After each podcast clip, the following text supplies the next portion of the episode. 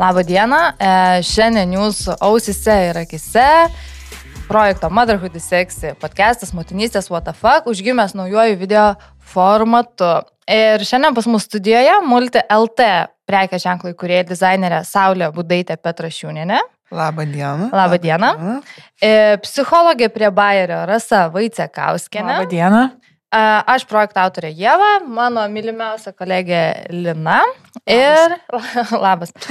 Tai va, e, kaip visada, prieš pradedant nepraleisiu progos e, paminėti mūsų survival kitus, kurie sėkmingai vinioja jau ketvirtą mėnesį. Ir tai yra surprise boxas mamom. E, pralinksminti jas, praskaidrinti motinystę. Ir kas yra fainiausia, kad kiekvieną mėnesį jūs gaunate kažkokį tai naują turinį su dėžute ir tai turbūt yra labiausiai jaudinantis dalykas, kad tai yra paslaptis, ar ne? Ir mama sako, kad tai yra labiausiai jų laukiamas siuntinys per visą mėnesį. Tai va, jeigu norite gauti išlikimo rinkinį, e, daugiau informacijos galite rasti www.motherhoodisexy.com. Tai va, jeigu patinka jums mūsų podcastai, juos galite like and subscribe YouTube platformoje. Tai va, e, baigėsi visi reklaminiai dalykėliai. O šiandien šiaip tema yra labai rimta ir gili. Ir kalbėsim apie pogimdyminę depresiją. Ir Rasa jau mums besitariant sakė, kad reikia sakyti ne pogimdyvinė, bet pogimdyminė, nuo žodžio e, gimimas, ne? Gimdymas. Gimdymas, taip.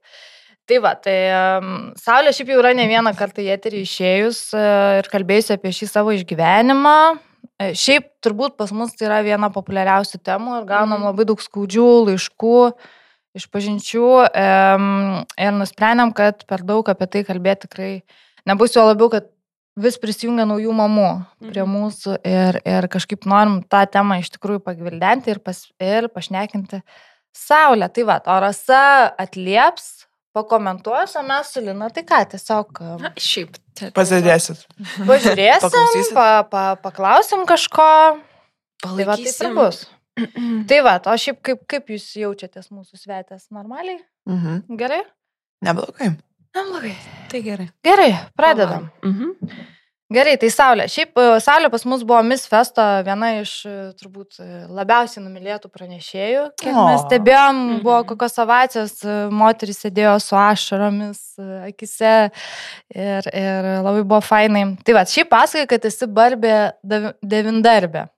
E, tai ar įmanoma būti sėkminga kurėja ir šaunuolė mama? Um, taip, neišsiplečiant įmanoma, bet su labai labai daug pagalbos. Aš visada sakiau ir visada sakysiu, kad um, man, man labai liūdna stebėti, kaip daug mano pažįstamų, kaip daug šiaip mamų save labai stipriai graužia dėl to, kad uh, socialiniuose tinkluose ypatingai mato daug um, sėkmingų verslininkių, multimilionierių, moterų, kurios ir atrodo puikiai, ir, ir, ir turi didelius verslus, ir turi labai sėkmingas santokas, ir laksto dar ten, kur nors turi užsieniuose namus. Bet ir, ir, ir pozicionuoja save taip, lyg jos čia viską, va aš čia pažiūrėkit, kokia esu sėkminga ir kaip man čia viskas žiauriai gerai sekasi ir aš čia viską pati. Mm. Tai, e, nu, man neteko sutikti, kas pati padaro. Man, man, aš labai daug tokių moterų rengiu ir e, labai dažnai su jomis apie tai išnekuosi, kad be milžiniškos pagalbos tai yra neįmanoma. Tai būtent dėl to, kad mes užmirštam, net tai, kad, nu, kai tu sąmoningai nemini tos pagalbos, sėdi paskui krūva mamų, kurios save kaltina, ten verkia depresijos ir taip toliau, nes jos nesupranta, ką jos daro ne taip ir kas su jomis yra ne taip, kad jos ne, nu, nespėja, bet jos paprasčiausiai galbūt neturi galimybės, pavyzdžiui, tiesiog turėti auklės. Nes aš turiu, aš galiu išvardinti, kiek žmonių aš turiu, kad aš galėčiau eiti kiekvieną dieną dirbti. Išvardink. Tai čia yra mano auklė mylimiausia. Dabar jau atsirado ir darželis. Tai čia mhm. dar šitas, bet be darželio tai yra mano mama, mano tėtis, mano vyras, mano vyro mama e, mano vyro brolis ir mano sesė. Tai po, atsimenu, kaip pranešimą skaičiu, tai devyni žmonės buvo, Visa kurie... Infrastruktūras. Jo, kurie kiekvieną savaitę uh, jeigu, pavyzdžiui, vaikas serga ir neina darželį, tai tiesiog jie visi plus yra dirbantys žmonės, tai tiesiog visi kaitaliojasi tam, kad, uh, tam, kad aš galėčiau daryti tai, ką aš darau. Tai aš tokia šiaip esu šiaip uh, šlikšti. Mm. Nu, nes jie turi aukotis dėl manęs. Grafiką padarėjai, ne? Čia pirmadienintas. Bet čia gerą pointą, žinai, pasakėjai, ar turi jausti šlikšti dėl to, nes aš kaip pagalvoju, pavyzdžiui, aš ir panašiai, nu, pas mane nėra tokios didelės infrastruktūros, bet tu taip įsišikus daryti tai, ką tu nori ir viduj verdi. Ir jeigu taip. tau reikia sėdėti, negali išeiti blemba, visa persu tu sėdi ir tada taip, tu turi prašyti kitų žmonių tam, kad tu gerai jaustumėsi. Taip, bet yra tas jausmas, kad tu paskui truputį jautiesi, um, nu gal net ne tai, kad kalta, bet galvoji, nu, žiauriai daug taip. čia man padeda. Ir aš vis tiek nepatenkinta, kai aš negaliu kažkuria dieną išeiti, žinai, tas toksai. Bet tai, žinai, erzina. Nu. Be valgant atsiranda apetitas, man bet, tai būna. Taip, taip, taip. Bet kodėl tas alkanumas iš vis yra, nu, ta mhm. prasme, atrodo, kad, kad jau, žinai, padarėjai, vad gavai tas dvi dienas į savaitę, padarėjai, būk patenkinta, o dabar sėdėk ten, žinai. Mhm. Bet ne, tu dar nori. Jo. Tu paragavai, blemba, kad aš galiu gyventi mhm. pilnavertiškai. Mhm. Toksai. Jūs skambinė aukliai, sakai, laba diena, gal galite tai trečiadienį irgi. Nes dvi dienas buvo jau ir trečios nori, nes dar nepabaigai daryti kažko. Nu. Nu, tai būna jo. Ok, judam prie kito klausimo. Tada, ko tu saulė tikėjai iš motinystės? Kaip pasikeitė tavo visas identitetas? Tai moteris, kai, kai pagimdo ne vaikus, vaiką, keičiasi jos aplinka, keičiasi jos rutina, keičiasi ir visas identitetas, kas realiai sudaro tą visą mhm. dalyką. Kas, kas pasikeitė ir kokie tavo lūkesčiai buvo prieš tai? Viskas, viskas pasikeitė. Aš tikrai dariau taip, kaip nereikia daryti ir aš labai nerekomenduoju taip daryti kaip aš. Aš kai laukiausi, tai aš nusprendžiau nieko tenais neskaityti, negalvoti, juk mes labai organiškos, mes viską, ypatingai maitinimas, man atrodo, kam skaityti čia kažkas knygas visais amžiais moteris išmaitino, tai ko čia aš dabar turiu mokytis. Kai gimė mano vaikas, aš tada supratau, kad aš iš viso nieko nesuprantu. Pradėkim nuo paprasčiausio dalyko, kaip jį pamaitinti. Aš tiesiog man neišėjo to padaryti. Tai buvo toks pirmas, toksai, tų, kur tu, o aš jau feilinu, nu, tipo, pirmam etape. Um, o paskui tai, kaip viskas pasikeitė, tai taip, kad aš kažkaip labai e, švelniai įsivaizdavau motinystę. Aš motinystę tai tikrai įsivaizdavau labai stereotipiškai. Vaikas yra nuostabus dalykas, tai yra labai sakralus laikas tavo gyvenimo, tai yra laikas ramybės laikas, ypatingai man kažkaip tai asocijavosi su ramybė, aš augau nematydama iš viso jokių vaikų, nes e, mano sesė mažesnė, bet, nu, kažkaip aš nieko neprisimenu iš, iš tų laikų. Ir mano jokių, nei viena draugė neturėjo vaikų, tokia artima draugė. Tai aš tiesiog buvau šiaip pirma iš mūsų visos kompanijos, kuri turi vaikų. Ir vaikas mano gyvenimo tiesiog nu, apvertė aukštinkojom iš to, kad aš taip idealizavau. Aišku, socialiniai tinklai labai daug prisidėjo, kad tu visai ką matai tas nuostabiai gražias mamas ir ten visą tai idiliškai sudėliota būtis ir kaip jinai čia, ir kaip jos svoris krenta, kaip jinai gražiai atrodo, kaip jinai išsiplovus galvą, kokia jinai šauni, kaip jinai visa tokia, wow. Ir man atrodė taip, man atrodo, kad vaiką turėti, tai čia yra tiesiog kažkoks toks nu, toks grožio tavo kaip moters laikas, toks pikas. Nu, tai aš manau, kad mes visos čia turim vaikų, ar ne? Tai, nu, tai, tai tiesiog yra kitaip. Ir kai Liuka mano gimė, tai buvo tiesiog, tiesiog apsiverta viskas aukštinkom visiškai ne taip, kaip aš galvojau, kad bus. Jis nebuvo ramus vaikas, jinai kaip pradėjo klykti, taip ir, taip ir šiaip jai 2,5 dar iki dabar tokia yra. Uh, bet aš kažkuriam jau ties šeštų mėnesių maždaug susitaikau su tuo, bet turbūt aš dėl to ir susirgau tą depresiją.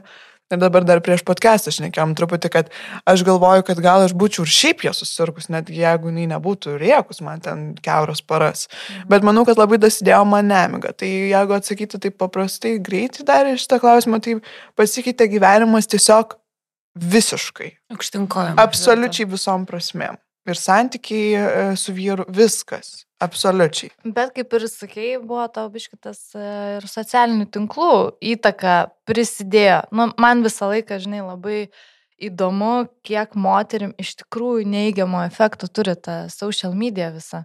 Aš manau, kad labai. Kitos gal e, sąmoningai, ai sako, ai ne, ne, ne, aš čia, aš čia suprantu čia, kad jos fasadė, nežinai, bet vis tiek skaito seka. Valgai tą informaciją. Vis tiek kažkur pasąmoniai nusėsta tas dalykas ir tu eini ir galvoji, blemba, nu, bet jis jinai spėjo įsiplaut galvą ir dar įsifenavo, aš nespėjau, aš esu liurbė. Kaip čia, žinai, taip gaunasi. Nu ir vis tiek eina, nusėsta vis tiek, ne, kažkur pasąmonė šitie visi dalykai. Mhm. Sąmonė ir nes, pasąmonė e, ir ne, ne, ne pasąmonė garasa daugiau gali pasakyti apie šitos momentus, nes mes lyg neigiam, jog tai tikrai manęs neveikia, mhm. jokio efekto nėra, bet, nu, ne, akivaizdu, kad tai yra kažkoks tai efektas, ne? Psichologinis vis tiek. Man kažkaip, žinai, yra, yra ir į pirmą klausimą atliepia, ir į antrą klausimą jie kažkaip kažkuo susiję. Ir kartais man pačiai taip svarbu tokį kontekstą istorinį trupučiuką įvesti, suprasti, žinai, vad kas vyksta čia apskritai su to moterim ir kartais, kai tu supranti, kas vyksta, trupučiuką legalizuoja tos jausmus ir validuoja, kad, nes gali kilti tos klausimas, ar man čia taip vienai ir ar aš čia išsigalvoju, ar čia yra tikrai kažkas vyksta, ko aš, nu, vad nelabai suprantu. Mhm. Tai man labai kažkaip atgražinai realybė tas faktas, kad nežinau, kiek yra įmanoma būti va, ta šaunuolė mama ir, ir kurėja, bet kad toks lūkestis yra, tai jis tikrai yra, mes tą jaučiam. Ir tas lūkestis yra pakankamai šviežias, nes gal prieš kokius dar 50-60 metų moters e, vat, vieta namuose būdavo labai aiškiai, būtelėje. Ir jinai laukdavo iš darbo grįžtančio vyro, kad jisai galėtų grįžęs ilsėtis po darbo. Po tų 8 valandų išplautos koinės, viskas paruošta, valgyti ir jisai gali ilsėtis. Ir štai ilgainiui jinai kažkaip atsikovoja savo vietą pasaulyje, po saulę ir, ir gali pateikti į darbą.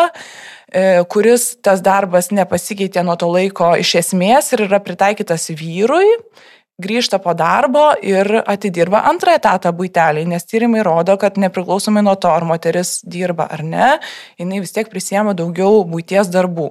Tai čia vienas dalykas. Kitas dalykas, žiauriai įdomus, ką pastebėjo e, amerikiečių sociologai iš tikrųjų, pakankamai jau senokai, man atrodo, 2000-ųjų pradžioj, bet Tirdami e, e, JAV gyventojų surašymo biuro duomenis ir ten remdamiesi keliais longitudiniais tyrimais ir lygindami moteris maždaug 60-ųjų metų ir po to link 2000-ųjų metų, e, jie lygino dirbančias ir nedirbančias mamas.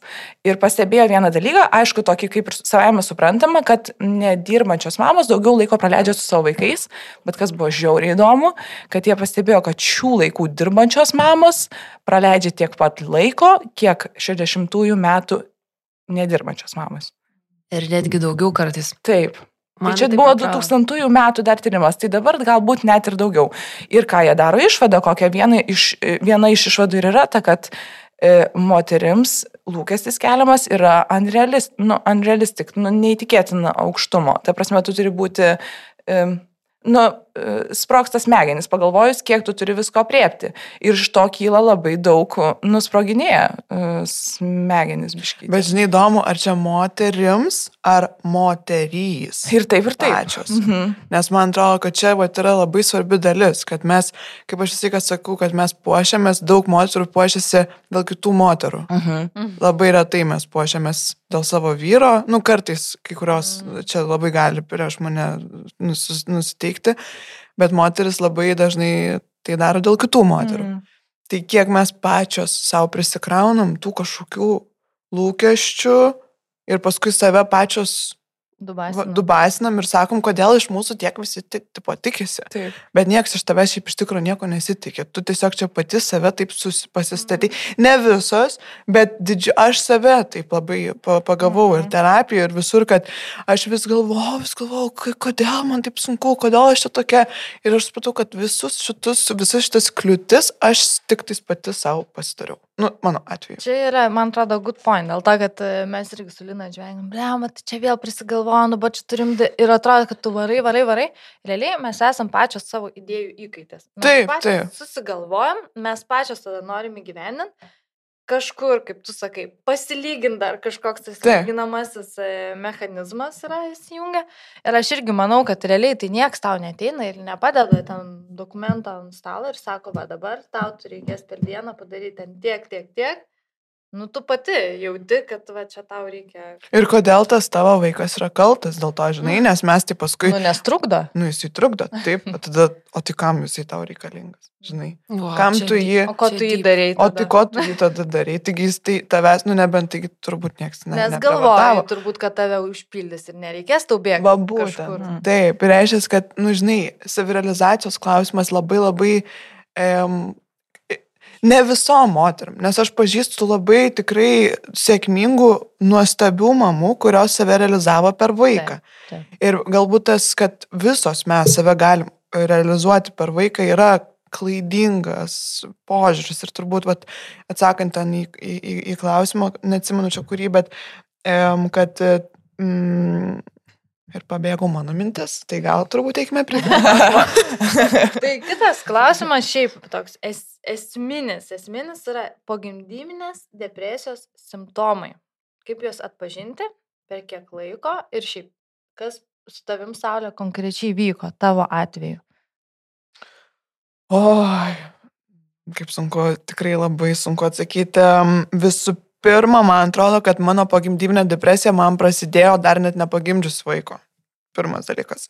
Aš laukiausi, aš turėjau labai sunku neštumą, red, iš karto red flag, kas turite sunkius neštumus.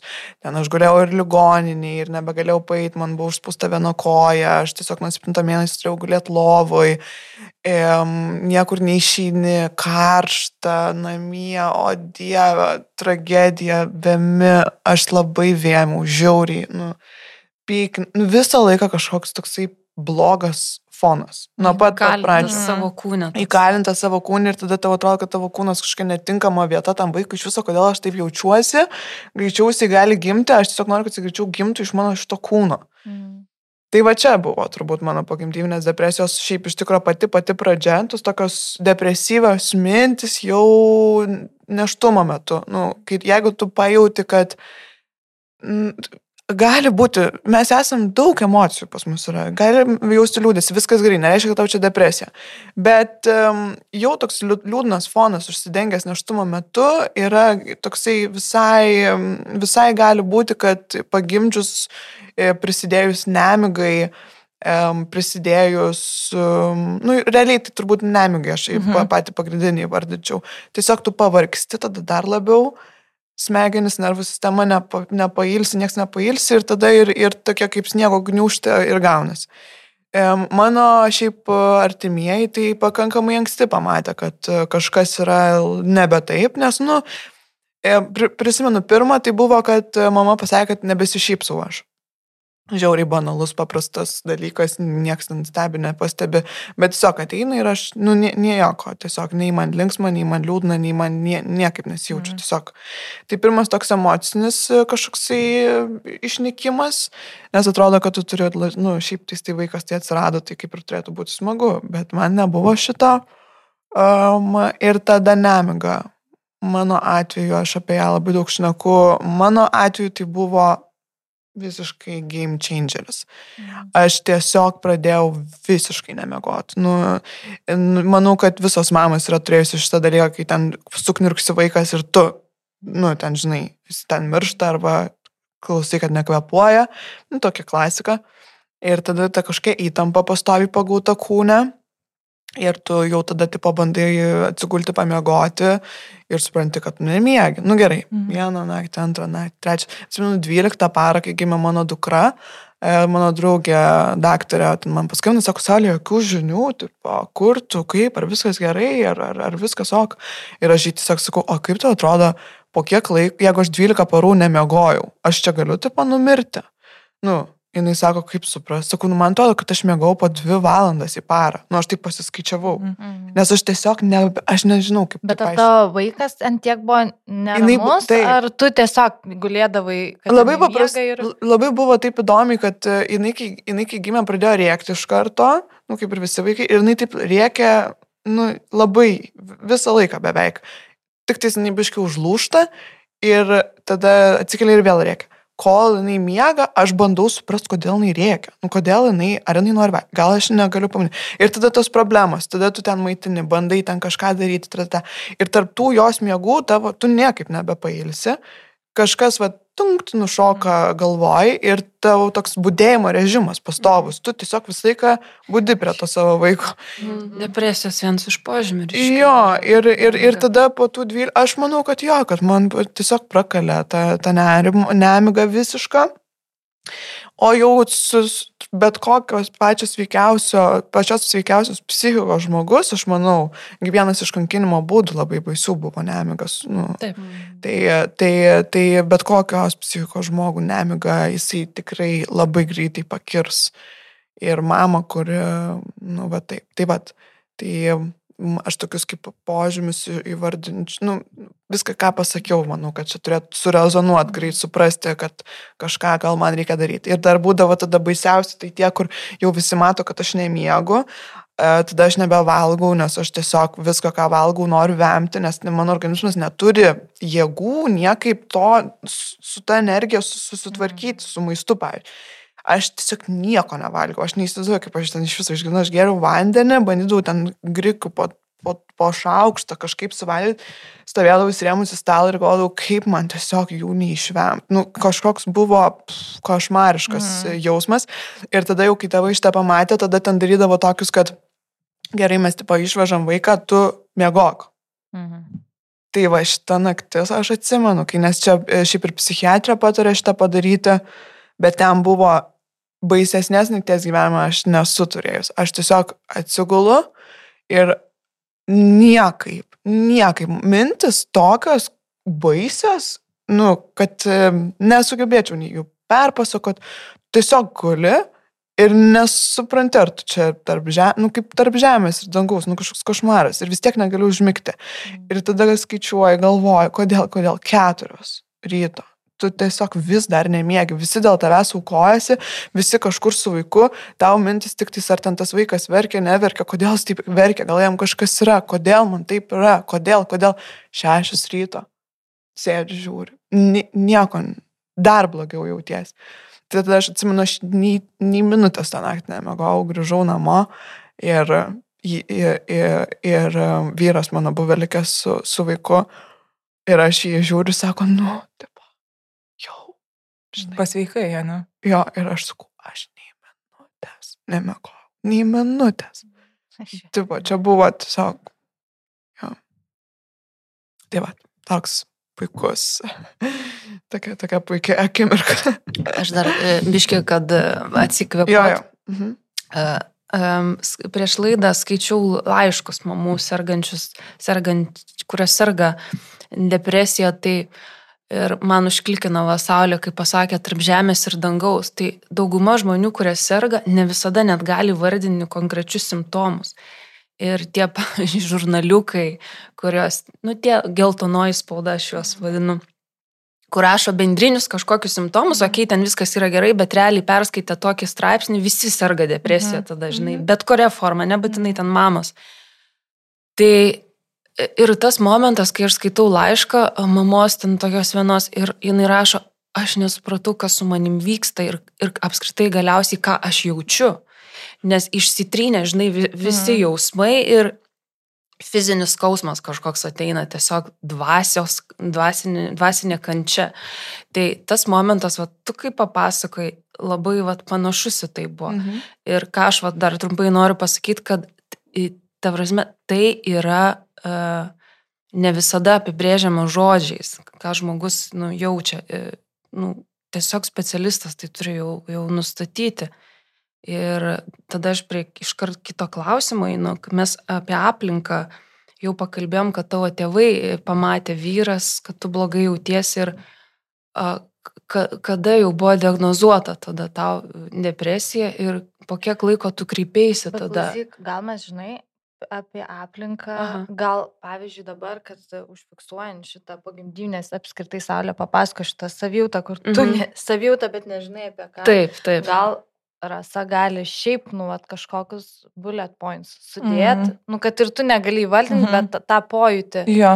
ką žmogus, kuris nežino, čia dabar priskirti liūdėsiu, apatijai, melancholijai, mhm. kaip vis dėlto jam pabandyti. Nu.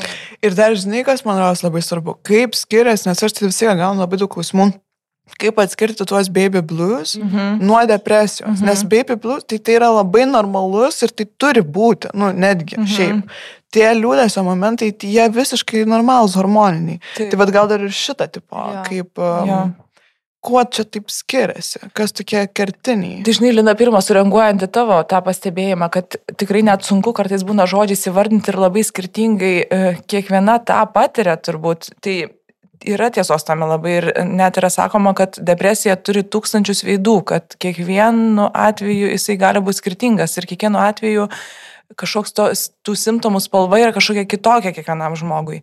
Jeigu kalbant apie e, tą pagimdymo e, esančią melancholiją, tai didžiausias turbūt skirtumas būtų tas, kad e, jinai tiesiog trunka trumpiau ir dažniausiai pati praeina. Kaip užeina, taip ir praeina. Tai būna apie dvi savaitės po gimdymo ir tų jausmų intensyvumas yra kur kas mažesnis. Čia tai, melancholija. Taip, mhm. tai gali būti versmingumas, e, noris verktis, tos emocijos tokios keičia viena kitą, e, šiaip jautresnė mama. E, Bet palyginus su tuo paveikslu, ką nupiešia Saulė, tai yra nesulyginama. Tikrai intensyvumas yra mažesnis. Um, O kalbant apie pačios depresijos simptomus, ai teisingai, o e, va irgi atliepiantis Saulės pasakymą, kad tikrai normalu ir būna, iš tiesų, normalu ir būna apie 80 procentų moterų, tai tikrai didelė dauguma tą patiria. E, tai vad.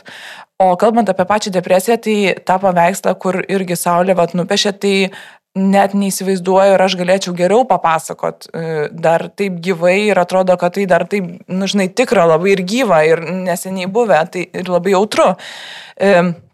Bet iš esmės, e, jeigu kalbant jau apie pagrindinius simptomus, tai taip, tai yra e, didelio prislėgtumo kažkokia tai būsena, didelis liudesys, e, kada dalykai, kurie anksčiau teikė džiaugsmą, visiškai nebedžiugino, tai gali būti maistas, serialas, ne, nebeteikia džiaugsmo absoliučiai niekas, nemiga, kurią tu paminėjai, pakitę santykių su maistu, tai arba kažkokie dideli persivalgymai, arba kaip tik, vat, negaliu nieko paimti burną, energijos lygis kritęs skirias ženkliai. Kas turbūt vat, specifiška, turbūt pogimdyminiai depresija yra tas santykis su uh, kūdikiu, kad jisai pasikeičia, iš esmės pasikeičia, jisai ne tik, kad nebedžiugina, bet ir gazdina ir tame yra tokios kalties didžiulės, kad uh, iš vis kokia aš mama, aš turėčiau dabar džiaugtis ir čia vat, turėtų būti kažkokia tai laimės mano viršūnė, o aš uh, negaliu pasirūpinti nei savim, nei savo kūdikiu. Uh, ir iš vis, kad gal, galbūt kažkas kitas žymiai geriau pasirūpintų e, ir tokios įkyrios mintis net, kad galbūt aš kažką galiu blogo tam vaikui padaryti, galbūt ir aš pati savo galiu kažką blogo pasidaryti. Nu tai va, tai tokia plokštė, e, plokštė tų simptomų, bet turbūt, kad pagrindinis toksai va ir mano e, paskatinimas būtų, kad jeigu jaučiat, kad dvi savaitės iš eilės E, tikrai juoda ir, ir, ir mintis į ateitį tokios labai neviltingos, tamsios ir tikrai kažkas negerai. Mhm. Nu tai jūs niekada neprašausit e, pasikonsultavę su specialistu. Nu niekada. Neišeisi blogą. Jo, yra nemokamų linijų, kur galima paskambinti tiesiog ir Taip. pasikonsultuoti, jeigu Bet neišeina. irgi čia yra labai sudėtinga dalis. Aš bandžiau visai ir taip sunku yra surasti specialistą, šiaip iš tikro. Ir taip tiek daug yra informacijos, bet tokios ne, nu, jinai neveikia tiesiog. Mhm. Tu, tu bandai, tu, tu ieškai, kur tau pasidėti, bet tiesiog, nu, primsim po dviejų savaičių, pavyzdžiui. Jo, Sakau, bet aš po dviejų mokama. savaičių gali būti, kad nusižudysiu, pavyzdžiui. Nu, tiesiog. Nu, tai tada atvažiuokite į, į ten, tarkim, jo, stacionarą atvažiuokit, mes tipo, nu, pažiūrėsim, kas čia yra. Stacionarė duoda vaistų kažkokių, tipo, pa, pasako ten, nežinau, biški pailsėti, nu, raminamųjų kažkokių, mm. tipo. Tai nesprendžia problemos, žinai, tai mano kelias, pavyzdžiui, labai buvo toks, ne, nu, toks ne, va, aš prisimenu, kad nemal, nemalonus. Ir kad um, gal dabar jau biški viskas pasikeitė, nes labai daug apie tai yra šnekama. Mm. Nu, labai, per šitus tikrai 2,5 metų aš tikiu, kad labai gali būti, kad jau yra kitaip. Mm. Bet aš iki dabar ir, ir, ir sulaukiu, nu, žiauriai daug laiškų ir man tikrai gaila, kad aš net, nu, dabar tai galbūt kažkas žiūrėsit, kas ir man rašė tokį laišką ir aš tiesiog nebetrašiau, nes aš ne, ne, ne, nežinau, ką atrašyti bet e, klausia, tipo, kur kreiptis man, ką man daryti, kur man, kaip man, tai aš dar kai turėjau kažkaip tai, tai galvojau, bet paskui jau tiesiog, mhm. nu, aš nebežinau, kai, ką, ką parašyti žmonėms. Nes į, į, į viešąjį sektorių aš nežinau, nežinau, negaliu pakomentuoti nieko, o su privačiu tiesiog mhm. finansiškai labai sudėtinga, mhm. tikrai, nes tai yra žiauriai mhm. brangu. Ir, ir kol tu randi savo specialistą. Mhm kol tave įvertina, nes, pavyzdžiui, mano atveju, tai man reikėjo iš karto vaistus skirti, nes ten buvo jau viskas, ten mhm. jau buvo dugnai visi pasiekti įmanomi, nes aš neėmiau vaistų, kai man juos liepia gerti, mhm. nes aš tipo bandžiau maitinti savo vaiką. Nu, čia iki dabar man yra, man čia tipo pienas, man čia Čia vienintelį, ką aš ten buvau paskaičiusi kažkada, kad čia svarbiausias dalykas kūdikiu, tai čia pieną yra pagerti bet kad e, darbiškai svarbesnis yra, kad jisai apskritai turėtų. Čia meta. jo, čia dar viena labai svarbi. Bet dar visai svarbu, kad tas vaikas turėtų mamą šiaip, nu, tipo, o kad ta mama, žinai, dėl tų nu, penuko, ne, nu, ne. Šiaip rasti, rasti specialistą ir rasti pagalbą e, efektyviai ir greitai yra žiauriai sėkmės didelis reikalas. Mhm. Gal šiaip pas mus Lietuvoje labai susifakapinus visa sistema, nėra jos. Iš ligoninės išleidžia ir viso gero, žinai. Mhm. Bet e, kiek asmeniškai liečia irgi, tarkim, mane pačią, tai labai sunku rasti gerą žmogų ir iš, iš karto priklauso nuo žmonių, mm. nuo žmonių, kaip tau pasiseka rasti mm. žmogų tom atveju. Nes būna netgi, jeigu tikrai kietas profas, tai yra netgi eilės po metus. Mhm. Atsistoji mm -hmm. ir tada sėkmingai savo stoji, bet jeigu tau reikia va dabar, tarkim, tokiu mm -hmm. atveju juodu, Tai, nu, aš girdėjus ir man irgi parašo per, per Instagramą, kad sako, ten kreipkite šeimos gydytoją, tada yra poliklinikos, turi savo psichologus, skiria 10 nemokamų sensų, žinau, kad Vilniui Kaune taip yra, ir tave įkiša iškart. Bet klausimas, pas ką tu pakliūsi. Ir... Aš tai vad vienintelį, kad pasinaudosiu irgi progą čia vad pasakyti, gal kažkas žiūri, kas laukėsi ir arba kažkas, kas dabar išgyvena kažką panašaus.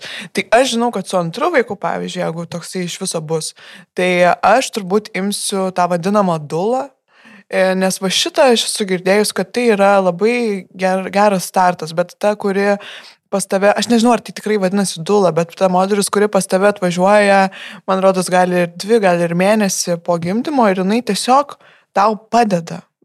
Jinai tau padeda, nu, man, pažiūrėjau, maitinimo klausimais buvo, nes, nu, aš tiesiog nesupratau, kaip man tą vaiką pamaitinti. Man ten ir, ir, ir gimdymo namuose ten jos iš viso tyčiasi biški iš manęs, nes, nu, aš, aš tiesiog, nu, man niekaip nepavyko. Mm. Tai ta dula, jinai um, tau padeda visų pirma sutvarkyti mytybos visus šitus dalykus. Jis padaro tau valgyti. Jis um, pabūna su vaiku, kol tu nusiprausi.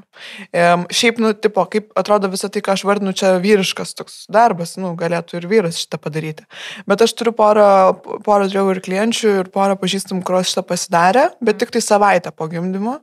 Nu, ir man atrodo, kad čia buvo game changeris joms. Nes tiesiog buvo žmogus, kuris supranta ką jisai daro, nes tavo vyras, tai kaip ir tu, jisai nieko, jeigu tai mm. pirmas vaikas, niekas nieko nesupranta, ką čia dabar daryti su to vaiku, kai grįžti. Ten tie pas mane galerijai, tai liukos tik tais e, išmatų fotkių 50, čia ar taip ar gerai, ar blogos, ar neblogos. O ten yra tiesiog žmogus, ramus, kuris viską supranta, nes tai yra, suprantu, specializuojasi ir tu ten mokymus kažkokius turi praeiti. Ne kažkoks šamanas, e, ne, jis ten negydo tavo vaiko niekaip. Jis tiesiog padeda tau išbūti pirmus tuos, pirmą tą laiką ir kaip man, pavyzdžiui, tai aš neturėjau kažkokio labai stipraus instinktų ir aš nesupratau, ką man su tuo vaiku daryti. Tai, tai, tai, tai, tai aš vat, žinau, kad aš tikrai turbūt pasimsiu tokį žmogų ir, ir bent jau laisvom akimirkom, kai aš pasitikėsiu, kad jisai gali su tuo vaiku pabūti, tai nežinau, nueisiu į dušą, tiesiog kažką padaryti bent jau. Aš iški nukrypsiu į, į, į šoną, bet mes su Jėva labai rezonuoja tavo mintis, nežinau, man šiandien kažkaip labai, žodžiu, ir mes su Jėva kažkada kalbėjom apie ten mūsų tarpę, kas turi vieną vaiką ir planuoja antrą vaiką. Ir mes su Jėva sakom, turėkit planą A, B, C. Prasme, čia yra planas. Aš ten e, bus vaikas, gims ir tada vėl viską, žinai. Taip, toksai, nežinosi, kaip tu sureaguosi tuo momentu, žinai, kas, kas vėl, žinai, bus. Ir, ir reikia sustatyti grafiką, kad visi sesuo, brolis, mama, Anyta, jeigu gali samdyti kažkokį žmogų, turėkit planą. Jeigu yra tik galimybė, turėkit žmonių eilutę, kurie stovi, kad galėtų jums padėti, mhm. kai uh, gimsta vaikai. Na nu, šiaip prieš antrą vaiką tu biški nerealistiškai save vertini, nes aš pastojau su antru, kai buvo pirmajam septyni mėnesiai, šeši. Ir aš nusipirkome dvigubą vežimą ir aš galvoju, kad aš varinėsiu su abiem į aikšteles, mhm. va jie savo mėgos, mhm. viską savo į kalną, užsistumsiu. Aš galiu truputį pertraukti paklausti, bet čia buvo tavo toksai viso gyvenimo svajonė, tai turėtų greitai, ar čia buvo toksai... Ne, čia kai atsirado pirmas, tiesiog mums taip patiko. Suvaibino. Suvaibino. Kažkas, mhm. va taip, viskas buvo fainai, buvo tas karantinas, mes savo šiltai sėdėm namie ir sakom, davai antrą, nes paskui žinau, kad aš tingėsiu grįžti į pampersų amžių po kažkiek laiko. Taip. Mes galvom šausim iš karto abu, abu užauginsim ir bus ramu. Tai, tai va, tai viskas, equipmentas ruoštas, dvigubas vežimas, lakam to vaiko, aš jau galvojau, čia man iš vis, tai pirmą užauginau, tai būsiu be pilvo, dabar su kitu, tai iš vis jėgų bus.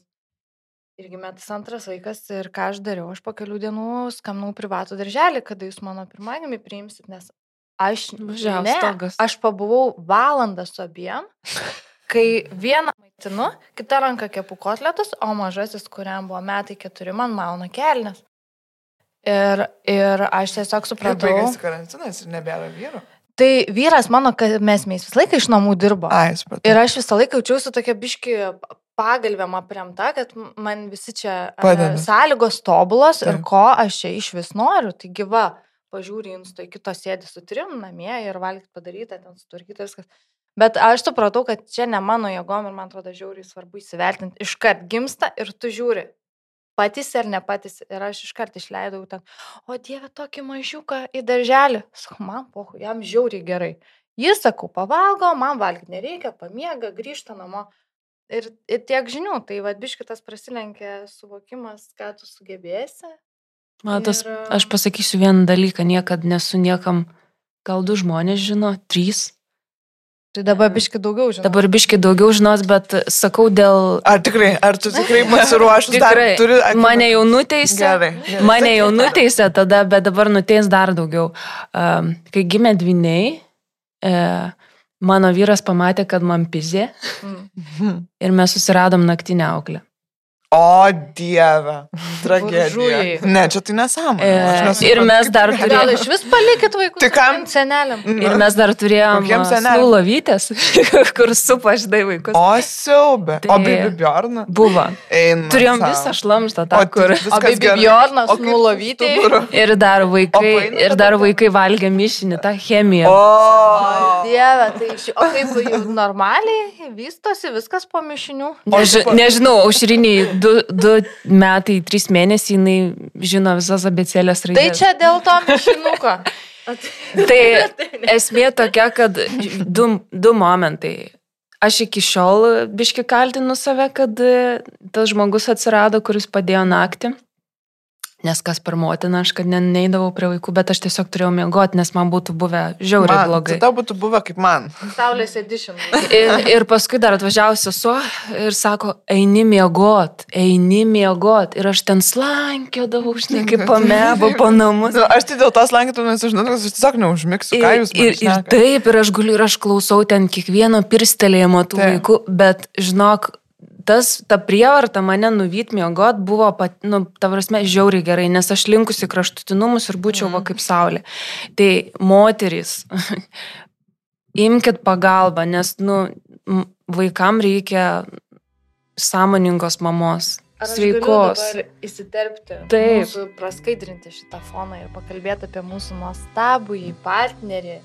Šveicarų prekė ženklą Nagrin. Ir šiaip žinokit rimtai, labai mus myli Nagrin ir mes tikrai irgi mylim. Mes šiaip... Gavai įsitrauks. Taip, liukai, du su pusė, jinai dar vis turi tūtę. Jazau, Aš galvoju, čia pasėdinas bus numeris. Man pareklamuoti, ar ne? Jo, jo. Mes, žinokit, šūdo nereklamuojam, tikrai. Ir, ir Nagrinas šiaip mus visą laiką palaikė, net iki tol, kol pradėjom bendradarbiauti ir tikim, kad dar daug dalykų fainų nuveiksim. Bet šiaip žinokit, Nagrin prekiauja e, kosmetiką Taip. ir papildais. Maisto papildai. Ir šiandien ant stalo jūs matote e, populiariausias žiemos prekes. Tai yra čia brelių kremo, kurios pačios labai gyrėt ir sakėt, kad... Aš galiu tikrai- paim parodyti. Pa, pa, parodyk jo, pakelk. Taip. Taip, štai. E, tai šiaip šitas kremas yra jūsų išgirtas, kad vakare jaučiat peršalimo simptomus, išsitepat krūtinę ir kitą dieną jaučiat tokį palengvėjimą. Mhm. Tada turime Alpių purškiklį. O šitas geras. Šitas labai geras, kur sakė Lina, po vieno purškimo jau jautiesi, kad sėdi ant kalnų viršūnės ir geri aperolį. Jo, pratraukė viso, visus kvepavimo takus labai gerai. Taip, ir įvairiausias papildus. Tai mes pačios dabar naudojam su vitaminu D ir kalciu, taip pasakysim, kaip ten yra. Mhm. Kai pabaigsim bonkutę ir štai turim e, artišokų, e, kaip jisai čia vadinasi, mikstūrą, tinktūrą. Nu, E, Čia skatinti virškinimui ir kepenų veiklai. Šiaip visokiausių yra papildų, tai netgi visai šeimai, vaikam, vyrui ir net galit padovanoti anytai, kad nuotaiką pakeltų. Taip. Tai vad, o, ger, o geroji dalis, ne, šiaip žinokit, tikrai nešūdas, tikrai labai... e, Aš dar pasidažysiu. Dar pasidažysiu. O lūpų blizga- blizgesys, tai žinokit, iš viso yra ledas. Ta prasme, ne šiaip čia vazelinas, bet blizga, seksy, viskas su juo labai gerai. nereali sudėtis. Ir e, nuėjai puslapį www.nagrin.lt su kodu mama20 gausite 20 procentų nuolaidą, tai čia pirmai pradžiai tikrai Daug. 20 daug. 20 yra daug. Man tai daug. Smulkiojo verslo Taip. atstovai žino, kad 20, 20 čia daug. Nesuprantu. Na, bet tiek. Jie Daug. labai myli. Taip. Taip, mes irgi mylim, siunčiam linkėjimus atgal. Taip. Gerai, e, tu buvai klausęs apie aplinką, ar ne, bet kaip ir pasakė Saulė, kad, kad jos aplinka pamatė, e, kad, kad vat, nesišypso, kad ten blūdina, nevalgo, ar ne? Šitio, kaip tavo vyras? Vargšas mano vyras. Vargšas tikrai. Šiaip, e, nu, gal jisai manau, kad nežiūrės čia visko, bet aš jam vis tiek labai noriu padėkoti. Um, nu, tiesiog už viską. E, jisai labai, aš galbūt pikau kažkurį laiką, nes jisai e, išėjo į darbą. Mm, Ir anksti, nu, tarsi normaliai, nes neatsimenu, kuriuo metu, bet pakankamai anksti. Ir man vis tik atrodo, kodėl, kaip jis taip gali, nu, jis mato, kad man žiauriai blogai, bet jisai tipo išeina. Tai, bet tai buvo labai gerai, nes šitame mednes laike turi būti vienas racionalus žmogus ir turi jisai išeiti, grįžti su kažkokia kita energija ir leisti tau tada išeiti, grįžti kažką. Bet čia irgi dar toks buvo, kad jis iki grįždavo ir sakydavo, viskas, tu išeik, aš neįdavau niekur. Negaliu paaiškinti, kodėl aš tiesiog, man atrodo, kad aš tis nėra prasmės man. Nu, va čia irgi turbūt depresijos požymis. Nei aš su draugėm, mano vaiką pirmą kartą draugės pamatė, vieną netyčia sutikau ten gal kai buvo trys, trys ar, ar kiek savaičių, kitos maždaug kai buvo trys mėnesiai tik tais. Tai aš nu, tiesiog užsidarė, aš užsibarikadavau, va tai va namie ir viskas.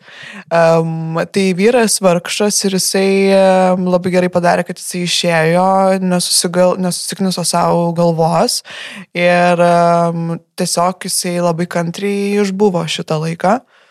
Ir, um, ir, ir, ir man tikrai padėjo visai kaip gali.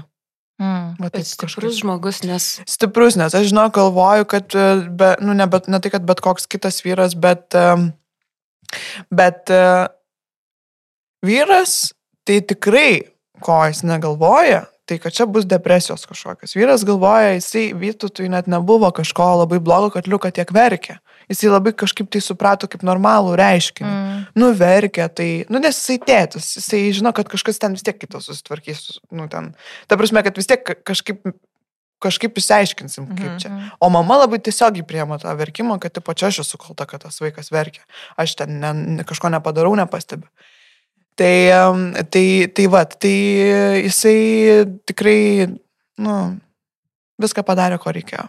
Tu, Rasa, kai matai, kad reikia atliepti, tu atliep, nes mes čia taip įsisukam į tos. Aš gal tik taip antrinsiu, kad vyras tikrai labai svarbu šitam visam paveikslė yra ir jisai gali būti arba labai didelis rizikos veiksnys, arba labai didelis prevencinis veiksnys. Jo, jo. Nes šiaip netyrimai rodo, kad jeigu vyras dalyvauja pasiruošimą viso proceso ir gimdymo ir toliau, tai e, mažesnė tikimybė sirgti moteriai po gimdyminę depresiją. Ir, Tikrai pritariu. ne. O jeigu aplinka e, neigia, kad gali būti, ir bet su Lino mes diskutavom, kad, Mhm. Mm. nu, pavyzdžiui, jeigu tavo tėvai būtų galva, mano dukrai, jinai ten tokia stipri, na, na, jinai ten visą laiką linksma, charizmatiška, mhm.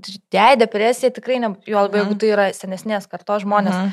Ir jeigu aplinka nemato, tu kažkaip galbūt pats irgi nedrįsti pasakyti, aplinka neigia, nu, va, Mhm. tokiu atveju, kai, kas čia turėtų vykti. Man net baisu pasidaro pagal. Tada žopa. Tikrai labai Žopa. baisu. Bet aš galvoju, kiek daug atvejų. yra, Taip, Nes, Taip. ta prasme, seno sukirpimo žmonės vis Mhm. dar galvoja, kad depresija Taip. tai yra tinginių. Taip, Iš-. Išeik pasivaikščioti, o Jo. kad ten smegenys negamina sutrikę kažkokių Jo, cheminių jo. medžiagų gamybą ir ten visiškai, ta prasme, smegenų sutrik, sutri, sutrinka Jo, kažkas. jo. Ir ypač depresijos po gimdymo atveju aplinka yra, nu nežinau, e, ten key elementas. E, Aplinka ir pagalba, socialinė parama arba gali labai tau padėti, arba gali tau pakišti tokį pagalį po kojam.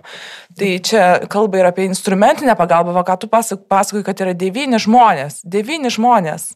Kaimas. Taip, taip. Va, what it takes e, išlikti psichiškai sveikų žmogum. Tai man atrodo, e, yra ta dalis, tikrai tokia tamsi dalis, kur žmonės ir nežino, ir nenori pripažinti, ir ten visokie tokie komentarai, kur iš gero gyvenimo, mm. ką tu čia išsigalvoji, arba tokie labiau rafinuoti, nusišypsok ir pasikeis tavo jausmas. Jo, Arba pakeis mąstymą. pasivaikščioti. Viskas yra galvoje. Tai toks madingesnis jau dabar šitas, bet e, nu, kažkaip skatinčiau žmonės nu, nepasiduotam norui, e, tokiam lengvesniam, nes tas e, būdas pasakant, kad nusišypsok, viskasgi gerai, jisai truputį atspindi ir žmogaus, nu, va, tą norą, jis nori, kad to būtų gerai ir labai sunku atlaikyti tuos jausmus. Ir yra taip sunku, kad tu negali ir tada tu sakai kitam, nu, davai, nu, padaryk, kad tau geriau būtų, nes aš negaliu būti šalia man tavęs. lengviau būtų. Taip, Aš tai turėjau savo šeimoje pusę, kuri va, šitaip darė, e, labai labai artima, tai dėl to aš ir labai vė- vėlai medikamentus pradėjau gerti. Okay. Nes o tai kaip vaiko imunitetas, Mhm. kaip vaiko maitinimas, iš kur Mhm. vaikas turės imunitetą. Ir aš, aš gerai, tada aš viską padarysiu, kad mano vaikas turėtų imunitetą. Ten po, nebėra tų to pieno, nes stresas, aš ten Mhm. pompuoju, man skauda. Da, e, laktacijos specialistė sudėliojo planą, keliesi kas 20 minučių, maitini, po dviejų valandų nusitraukinėjai. Ir aš tipo, o tai kada čia, kurioje čia vietoje man mėgoti. Dabar svarbiausia yra Jo. atgaminti laktaciją, nes Mhm. pienas dinginėja dabar greitai ir ble, tu tokia, tipo, aš turiu tai dar dabar, aš ir šiaip negaliu mėgoti, bet aš ir nemiegosiu, nes aš turiu pamaitinti savo vaiką. Tai Toks kon- kankinimas, ne? Taip. Visiškai. Ta prasme, žop, tai ir aš tada, e, ir aš tada, bet aš pati labai tuo pati tikėjau, nu, tipo, kad jo, jo, čia vaistai ne, nes jie, tada aš skambinu psichiatrijai. O jeigu ten, tarkime, išgeriu pusę tabletės taurų raminamųjų, e, kaip paveikia taip mano vaiko ten psichika, Mhm. nes ar per pieną. Jis sako, nieko neatsitinka. Aš nežinau, čia gali čia dabar daktarai ten sakyti, ne, čia labai blogai. Bet jis man sakė, Saulė, tau pirmą vieną kartą gyvenime pabandyti išgerti pusę tabletės šito vat vaisto, kad pasižiūrėti, ar tau apskritai sveikia ir ar tu galbūt užmiksi nuo jo, Mhm. nieko neatsitiks tavo vaikui nuo to. Mm. Nieko. Ne, aš nepadariau net ir šito. Bet kokios mes esame stiprios, nepalaužiamas, netgi va šitaip, žinai, Arba kaip tik palaužiamos. Kontūzinamos. Aš tai manau, kad kaip tik palaužiamos. Jeigu tu Taip. toksai esi pasimetęs, dar tau, žinai. Bet kala. jos nepalaužė, supranti, e, jinai negėrė vaistų.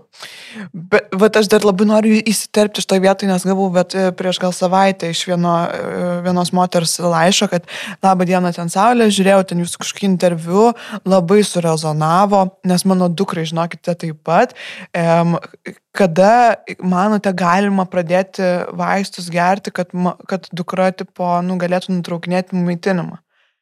Ir aš galvoju, ne, kažkaip, kad, tipo, kada, nutrau, kada galima, nu, dėl to, kad maitinimą vienu žodžiu išsaugoti, kad mama, tipo, žiūri, pavyzdžiui, kažkokius, va, ten laidas, va, apie pogimdyminę depresiją ir jinai jau galvoja, kaip tai dukrai čia nutraukinėti ar nenutraukinėti maitinimą. Mhm. Tai reiškia, kad jinai tai dukrai, nu, turbūt, kad sako, nu, gal tu vaikelį dar biškai palauk, dar pabandykime tą vaikelį pamaitinti, gal tu dar to vaistuko neger, gal mes einam pasiaiškinti, nu, kad kaip ir man, pavyzdžiui, buvo šeima labai mm, ir ką daryti, va, aš, pažiūrėjau, nežinau, nes kiti sakė, nu vis pasižiūrėkit, kaip jinai atrodo.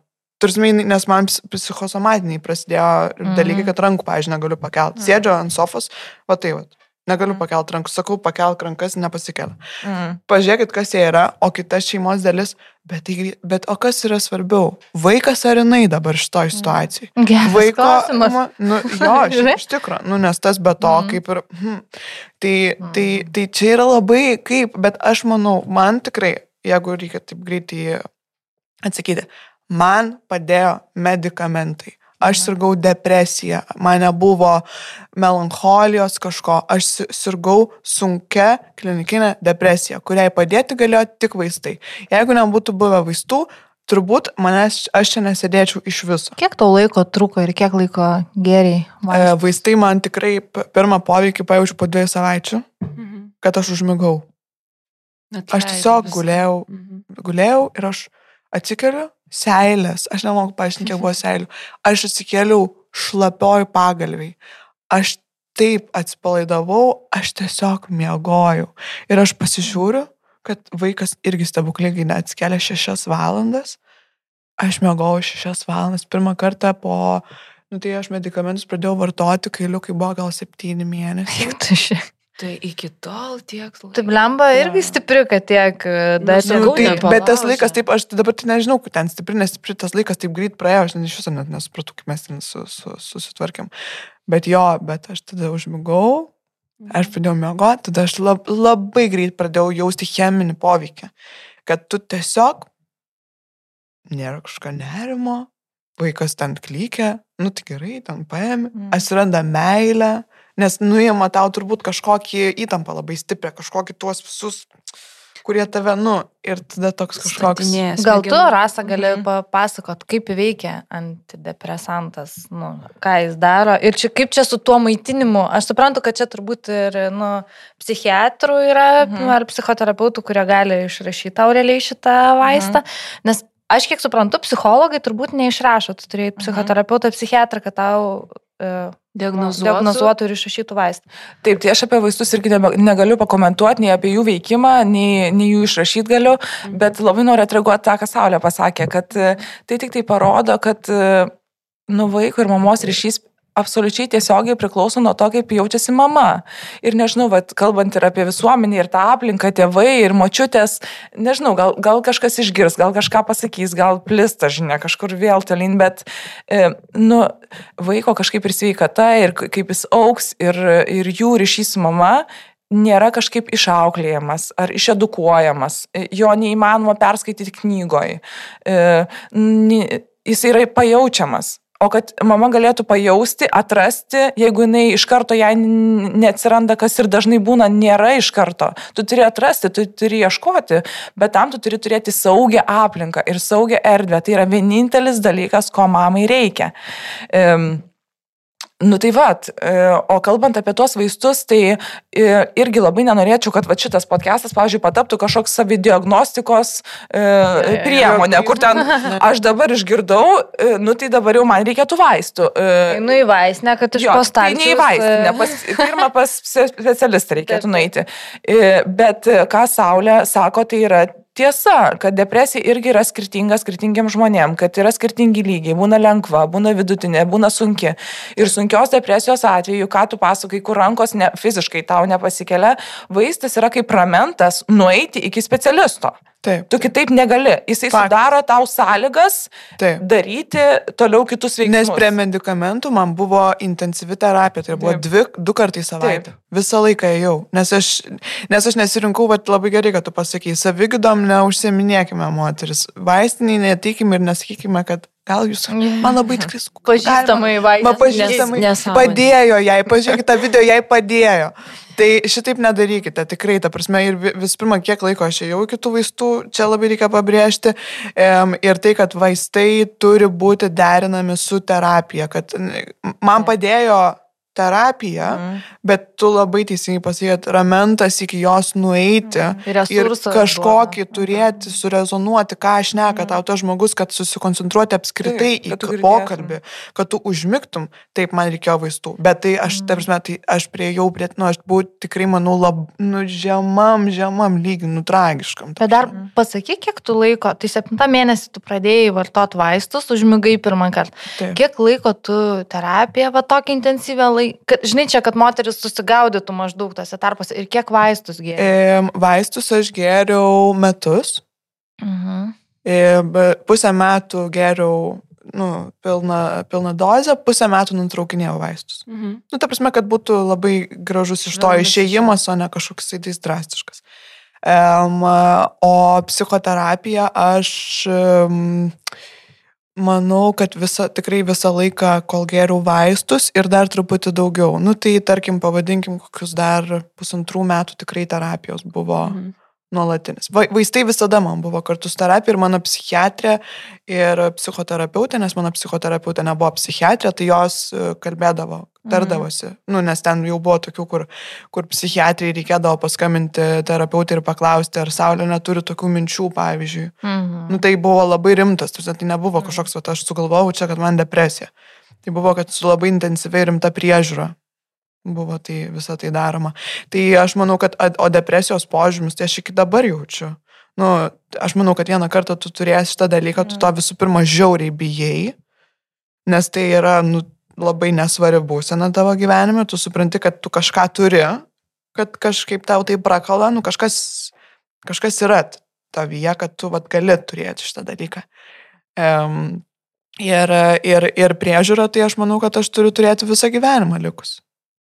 Bet e, tai vad ir klausimą mes tokį sugalvom. tau, Mhm. kad Šiaip, um, nu, ar gali nuspėti iš anksto, nežinau, bet va, tu sakai, kažką savyje turi, ar iš principo, čia ir rasai to pačiu klausimas, ar žmogus gali pagal savo charakterį kažkokį, net jeigu jis niekada nebuvo jam diagnozuota depresija, Mhm. Em, ar gali nuspėti, kad, va, tarkim, bet jeigu būna kažkokie liūdėsio apatijos e, periodai, kad gimus vaikui galimai man Mhm. išauks į kažkokią Mhm. tai depresiją. Nu, tai čia apie tokius kaip rizikos faktorius, žinai, Jo. šnekam depresijos, nes realių kažkokių tai aiškių tiesioginių priežasčių, ypač vienos kažkokios tikrai nėra. Ir yra, tikrai yra e, dalykų, iš kurių galima nuspėti, kad gali tai būti, ką ir Saulė sakė, kad e, jau neštumo laiku pastebėjai, kad kažkas yra, nu, kad tas fonas yra tamsus. Ir tyrimai rodo iš tikrųjų, kad 40 procentų atvejų galima jau neštumo laikotarpiu nuspėti, kad depresija bus po gimdymo, o rizikos faktoriai tikrai begalė prasideda nuo genetinių ir baigėsi psichologiniais individualiais. E, tai kalba eina apie tai, ar galbūt šeimoje yra polinkis į depresiją, galbūt tu pati esi sirgus kažkokiu kitų psichinių sutrikimų. E, Tai pats neštumo laikotarpis, kiek jisai įtemptas, intensyvus ir kiek streso pilnas, gimdymas, ar jisai buvo traumuojantis ar ne, kiek buvo intervencijų, kokios jos buvo, apskritai subjektyvi moters patirtis gimdymo metu. Mm. Vaiko temperamentas, po to, kai gimsta vaikelis, nuovargis, e, kiek pagalbos mama sulaukia, žiauriai svarbu. Santykiai su vyru, ar jie konfliktiški ar ne. E, ir pačios mamos bruožai, ar jinai linkus kontroliuoti, nuspėti, numatyti. Bet kokio tipo, a- ar yra tokia, nu, kaip pasakyti, informacija, kokio tipo asmenybėm dažniausiai būna, nu, ten žinai, Isterinės, emocionalios, ten kaip tik kontroliuojančios. Ar yra kažkoks toksai... Aš manau, kad ryšiai kažkokie tais yra, bet tiesioginio ryšio tau tikrai niekas nepasakys Taip. priežastinio. Nu, čia turbūt patirtis yra labiausiai. Taip, tai jeigu vat, matytume mes e, turbūt, kad moterį, kuri ten perfekcionistė, labai didžiulė, kontroliuojanti ir norinti viską suplanuoti, matyti, tai nu, galima galvoti, kad jai bus sunku šitas laikotarpis, bet irgi ne, negalim pasakyti šimtų procentų, kad tai bus. Turi būti puokštė faktorių nepalankių, kad e, pogimdyminę depresiją galima būtų nuspėti ir tikrai ne, pavyzdžiui, kokie nors hormonai nesukelia depresijos, va taip tiesiogiai. Yeah. Aš prisiminiau vieną momentą, staigiai pasakysiu. Kažkada, kai vaikai gimė, buvo kelių mėnesių, e, įrašą dienoraštį, Instagram'e kažkokį parašiau įrašėlį ir ten buvo apie kai tampi mama, labai daug visokių skeletų krenta iš spintos. Nu, vaikystė, mm. tu vaikus savo augini, pradedi matyti save juose ir taip toliau. Santykis su vyru, mama, nu viskas, žodžiu, lenda. Ir kažkaip nuėjo tas tekstas. Ir man po kokių pusę metų parašė viena mama. Labas, aš planuoju vaiką. Planuojam vaiką. Tu rašiai kažkada tekstą, jeigu turi galimybę iki vaiko lankyk psichologą. Mhm. E, aiškinkis savo traumas kažkokias, bandyk paminkštinti mhm. tas vietas, sako, aš noriu daryti taip mhm. ir eiti. Ir aš skaitau taip ir galvoju, wow, geras, ne? Nu, ta prasme, jinai kažką nuruošiasi daryti irgi prevenciją. Aš norėjau pasakyti, jo, va šitą žodį. Mm. Man atrodo, kad e, turbūt nuspėti tu negali, ar tau bus depresija, ar tau mm. nebus depresijos. Nu, čia taip, ar aš galiu nuspėti, ar man mm. bus COVID ar nebus po dviejų mm. savaičių. Um, labai priklauso nuo to, ar tu sutiksi infekuotą, neinfekuotą, koks tavo, nu žinai. Milijonus. Jo, dalykų. bet uh, svarbi yra prevencija. Kaip mhm. ir mes geriam visus papildus, ne? Tai, tai ypatingai moteris geriam kolageną jaunos, tam, kad mes vėliau galbūt pradėtumėm senti, ar ne? Lygiai taip pat su neštumu ir su gimdymu ir su depresijom yra. Um, į psichoterapiją vaikščioti reikia ne tada, kai tau yra depresija, o kai tau, kad jos nebūtų. Bet žinai, tu čia va kalbi ir aš dabar prisiminiau, kad aš kai laukiausi, aš prieš gimstant vaikui du metus jau pas, nu, žiauriai gerai. Mano terapeutė buvo visus vertė iš koto ir po šiai dienai nėra ta, kur noriu užsirašyti, reikia laukti pusantrų metų. Nu, tikrai labai labai kieta moteris ir jinai man besilaukiant, jau aš ten jau, nežinau, aštuntas mėnuo, jinai mane pasisodino ir jinai sako, dabar jie, sako, aš tau papasakosiu apie pogimdyvinę depresiją mm. ir sako, tau gali būti taip, Taip, ir aš sėdžiu ir aš ją žiūriu, tipo, kodėl tu mano laiką gaišti, nes aš to mm. moku babkas, nes galvoju, kad čia, bet jinai skiria primiktinai man papasakot, papasako apie baby blues, papasako apie depresiją. Ir aš dabar, vat, kai moteris rašo ir mes išnekam apie tą prevenciją, aš galvoju, čia yra toks Taip, profesionalumas. Labai. Iš tikrųjų. Labai. Pasiruošti, žinoti, ką aš darau tokiu atveju. Jo. Ką aš darau tokiu atveju, jeigu mano vaikas, pavyzdžiui, nemiega. Nu ką aš darau? Pasiruošti tokius paprastus dalykus. Pasitarti su vyru, kaip mes kaitaliojamės. Mano atveju nesąmonės, nes aš saugau savo vyro miegą, nes taip jisai dirba. Um, ir jisai, ir aš, kol, kol jisai mėgodavo, aš per naktis tą vaiką čiučiuodavau. Sorry, bet man šitas vyro miego saugojimas. Man, Čia yra, bet aš, aš irgi tokia yra... pati, aš nežinau, kodėl man taip atsitiko, kai aš pagimdžiau tą vaiką. Aš nesuprantu, mm. nes aš labai esu tokia, čia mano, čia tavo. Nu, tipo, aš darau savo dalykus, tu darai savo dalykus, mes vienas kitam padedam. Kad aš mhm. vardant ten kažko, čia tikrai nebuvo, nes aš čia tipo tobula mama. Kažkas, vad, smegenyse taip ja, ja. yra instinktyviai, kad tu, tipo, tu turi būti per naktį su to vaiku. Nesuprantu, kodėl. Dabar aš žinau, kad vapšie kitaip daryčiau. Bet pas, susidėlioti blogiausius scenarius ir, ir, ir atsakymus, ką tu darysi, taip, nu, jeigu taip nutiktų. Mm, Būti pasiruošus. Lina turi įdomų klausimėlį. Mm, ar persirgus pogimdyvinę depresiją pasikeitė tavo identitetas kaip moters ir mamos? Kas tu kalbėjai, kad tu turi tą tokį likutį, tokį, kad e, einant, bėgant tavo laikui gyvenimui, tau gali paštrėti kažkokie momentai, išlysti vėl ten kažkokie simptomai. Tu jau moki tai valdyti ir žinai, ką daryti. Bet apskritai pati kaip žmogus, kaip asmenybė, pa, pasikeitė, brand, nu, ta prasme, kiek brandos duoda tas išminties? Um, daug duoda, tikrai. Aš taip visai sakau, kad aš dėl to, kad sirgau depresiją, tiek daug po to padariau.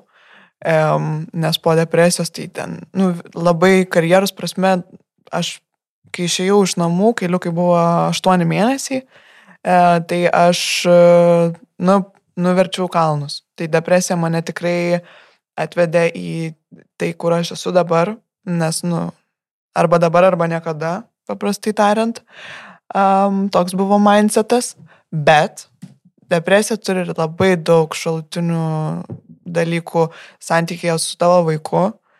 Nu, pavyzdžiui, kad tu kartais pyksti. Nu ir tikrai, aš labai atvirai apie tai išneku, nes aš žinau, kad daug kas taip jaučiasi. Tu kartais pyksti ant vaiko,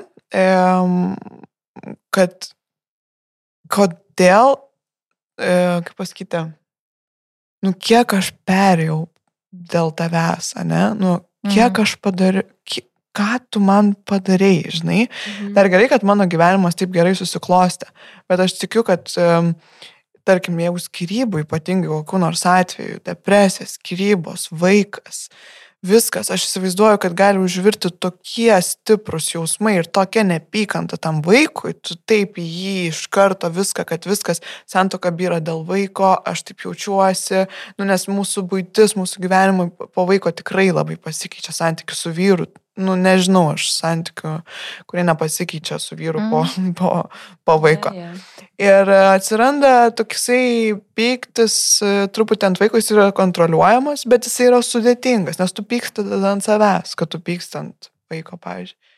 Tai um, tai va, tai gal čia toks, va, nes aš dabar labai dažnai išgyvenu šitą jausmą, tai dėl to aš jį pasakiau tokį kaip pagrindinį, kad ir... Išdirbinėjai tą jausmą, tarkim, su pagalba. Um, jo, ir aš tiesiog man padeda išeiti, aš visą laiką sakau šitą paprastą dalyką, visiems visą laiką šitą sakau, tai sakė ir man visi, kai aš sirgau depresiją, aš niekada to nedariau, bet išėjimas tiesiog atsistoti viskas, aš, tipo, sorry, aš nebegaliu šito ištvert, vaikui ten, nežinau, isterija, kepa kotletai, viskas dušta, namai žoskai atrodo, kažkas atsitinka tavo smegenyse, aš sakau vyrui, aš dabar dvi valandas, ne pusvalandį, ne kažkiek, gal net pusę dienos labai gerai, jeigu yra tokia galimybė, aš tiesiog išeinu. Pradžiai būna lievai, tu ten sėdi mašinai ir galvojo, Dieve, kokia aš mama ten žliumbitra, tada. Ta tada kažkur nuvarai.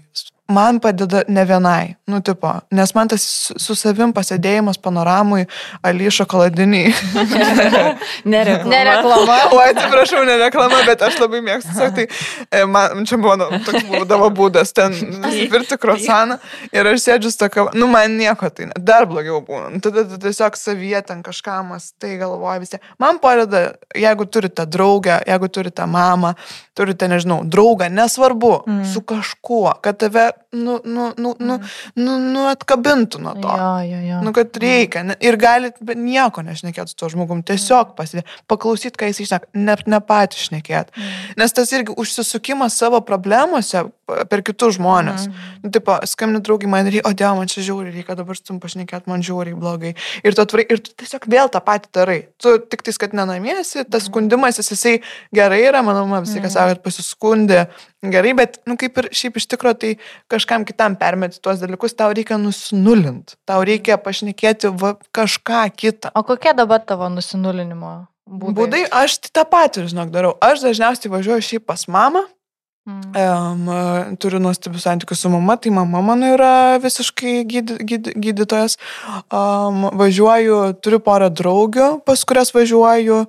Um, padeda kinas, teatras, operos, pasipuošt, pavakarinę, nu, va tokie banalūs, paprasti dalykai.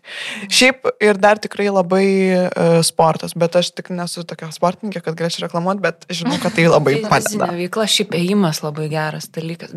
Čia asmeniškai tik kalbu, einu, einu tol, kol atleidžia galvą, net matyt, oras gal kažkaip geriau veikia, labai mm. reikia mėgsti laukai šiai. Aš, aš tai, aš tik į bepratę, jeigu čia atrodo degonės trūksta, jo, jo, aš irgi mėgstu. Ja. Jeigu, jeigu eina kažką daryti fiziškai, tai, darusme, ten sportuoti, nesportuoti, eiti, vaikščioti, būti grina mm. morė, tai čia labai irgi gerai dalykas. Labai. Žiūrėkit, dabar padarom taip. taip. Uh, porą klausimėlių ir tada varom į tokius sėkėjų klausimus, nes neturim daug laiko jau. Mhm. Ir pakaposim keletą tada sėkėjų klausimų aktualiom temam, kad būtų, nu, dar e, naudos daugiau.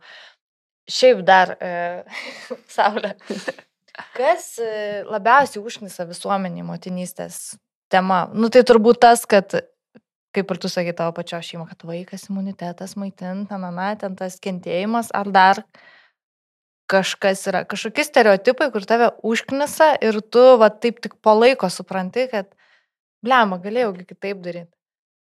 Nu, aš gal pasikartosiu, kaip ir pradžioj sakiau, kad, nu, tas e, sukurta, sukurta ta kažkokia keista socialinių tinklų idėja, kad būti mama yra kažkokia blessing dalykas, kad čia yra kažkoksai tais, e, kad, kad mamos yra kažkokios super didvyrės ir ten viską sugeba, viską padaro, oh my god, verslininkės tintratata. Tai man, man gal šitas dabar esi labiausiai, aš kaip pamatau, aš, aš tai net šiaip iš tikrųjų nieko ten iš, iš tų žmonių nebefollowinu, man čia pats geriausias, va, irgi rekomenduoju. Tiesiog nefollowinkit, kam Jo. jūs ten žiūrit. Kam nu, tai, jums žinosi? Jeigu jūs skaitot ir jūs norite verkti, nu, tai tada tiesiog šitas turinys yra ne jums. Arba, jis, arba kaip tik jisai labai yra jums ir galvokit, kas su jumis yra blogai, kad jūs taip jaučiatės. Um, nes nu, tai, tai, tai, yra, tai yra fejkas, tai yra skemas. Visa tai yra skemas. Visa tai yra netiesa. Taip Tai- nebūna. O tai kada antras? Va šitas, šitas klausimas. Aš dabar, tipo, buvau, ne, nu, ale, kad negeriau. Ir, nu jau, aišku, ką visi galvoja. Nu tai aišku.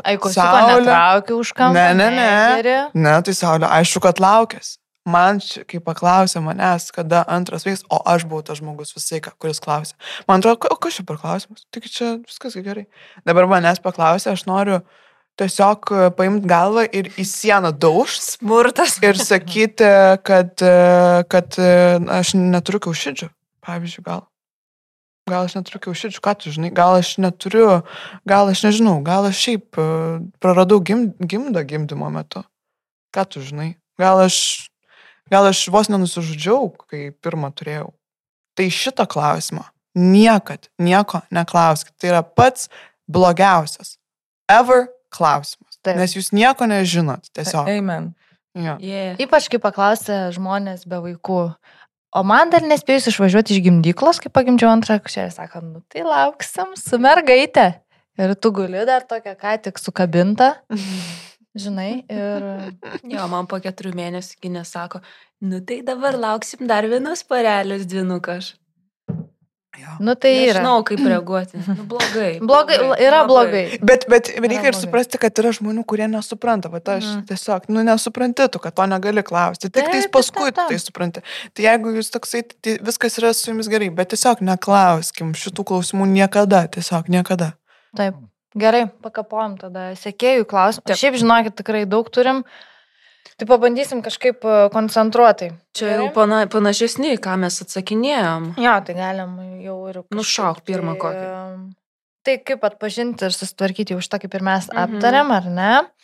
Kiek ilgai um, gali tęstis pagimdyminė depresija ir, ir ar susijusi su sunkiu meilės vaikui atradimu ryšio kūrimu. Tai kad sunki, tai kad Mhm. susijusi taip, bet kiek apskritai uh, moksliškai gali tęstis? Nėra vieno teisingo atsakymo. Labai priklauso nuo to, kokią pagalbą gauna, kiek efektyvi yra psichoterapija. Gali tęstis e, porą mėnesių, gali tęstis porą metų. Negydoma depresija e, po gimdymo linkusi chronizuotis. Tai irgi vat, priklauso nuo to, ar tu gydai, ar tu ne, nesigydai ir koks tas gydimas. Okay. Mhm. Kitas klausimas, ar įmanoma kažkaip išvengti, pasiruošti. E, Tai Čia mes kalbė, kalbėjom kalbėjom apie prevenciją prevenciją. irgi šitą labai, Labai paminėjom, šitos visus dalykus. Um, Taip. kaip galima padėti artimai draugiai, kuris sako, kad jai yra depresija. Tai visų pirma, man labai faina ir sveikintina, kad tas žmogus pamatė, kad taip Mhm. vyksta ir nen- nenusisuko. Mhm. Ir pagalbos ranką ištėse, ne? Čia taip Bet galima Kaip, kaip ją kaip- išties? gal žmogus nenori priimti, aš čia, nu, prielaidą Mhm. darau, ko- nežinom situacijos, kokia ten yra. Jis pamatė e, ir kaip tam žmogui padėti. Mhm. Aš manau, kad tu negali pamatyti. Nu, tu gali pastebėti kažką, bet tu negali, draugė negali diagnozuoti tau depresijos. Tai A. Tai Kažkokius galima, galima, galima ką daryti, tai yra pasodinti draugę, parodyti susirūpinimą, kad aš jaučiuosi dėl to susirūpinus. Man atrodo, kad reikėtų pasirodyti pas specialistą. Gali būti, kad ta draugė išprotės ir sakys, kad tu nesveika esi ir kodėl tu galvoji, kad aš esu nesveika. Čia kažkokia psichinė ligonė. Bet, bet šiaip tiesiog reikėtų, kad ta draugė nueitų pas specialistą, kad jisai įvertintų, ar jie yra pogimdyvinė depresija. Mhm. Nu, pogimdy. Minė. Minė. Nu jo, tu niekada neprašausi, e, išreikšdamas kažkokį susirūpinimą, suprasdamas, paklausdamas, nėra blogo varianto šitoje vietoje.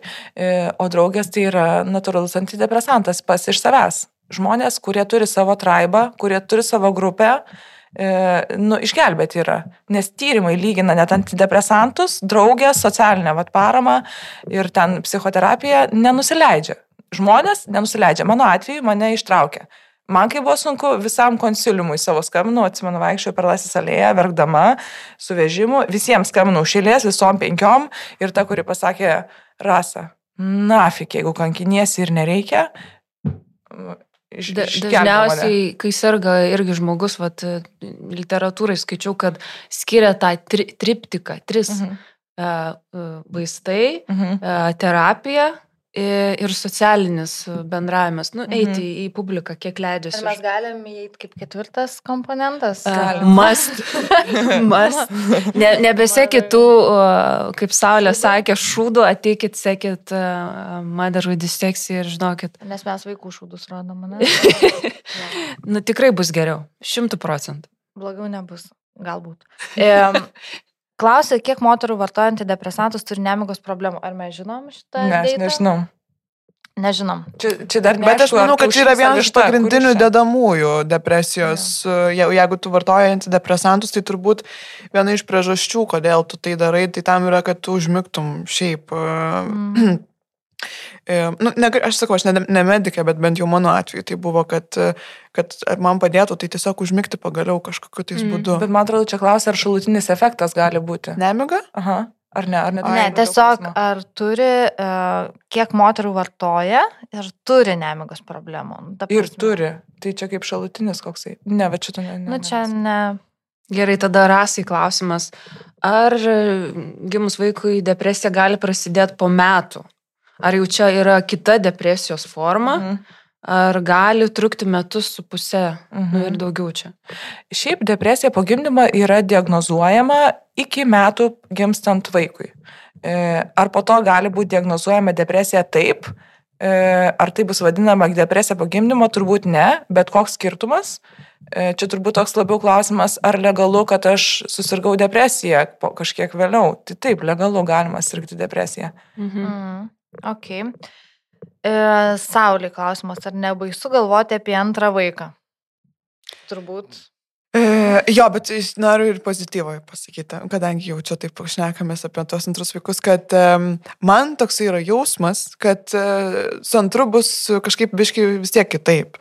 Um, ne tavo atveju, nes tavo atveju ten labai greitai, tiesiog jo. dėl to tas visas. Um, aš apie antrą vaiką vis tiek žiūriu pozityviai, kad aš uh, manau, kad, nu, jau aš labai išgyvenau daug, nu, tai aš jau moku atpažinti, aš jau žinau, kur man kreiptis, žinau, ką man daryti.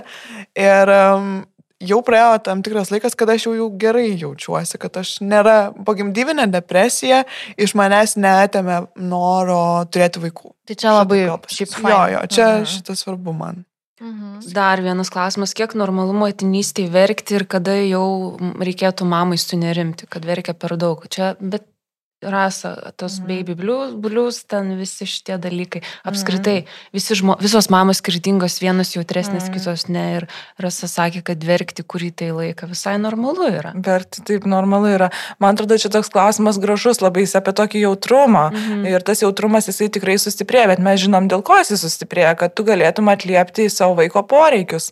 Tai atrodo dažnai, kad net tas kūra mamos, kuri skiria ją nuo išornio pasaulio, jinai su, su, suplonėja, kad ta membrana jinai tokia pralaidi patampa. Dėl to ta mama tokia jautri. E, Tai, vat, tai čia tokia žinutė turbūt ir mums visiems, kad mūsų visų reikalas ją pasaugot, panešioti, tokia jinai kri- krištolinė, žinai. E, normalu būti jautre, e, kol tai tau nėra problema, tai nėra problema. Okay.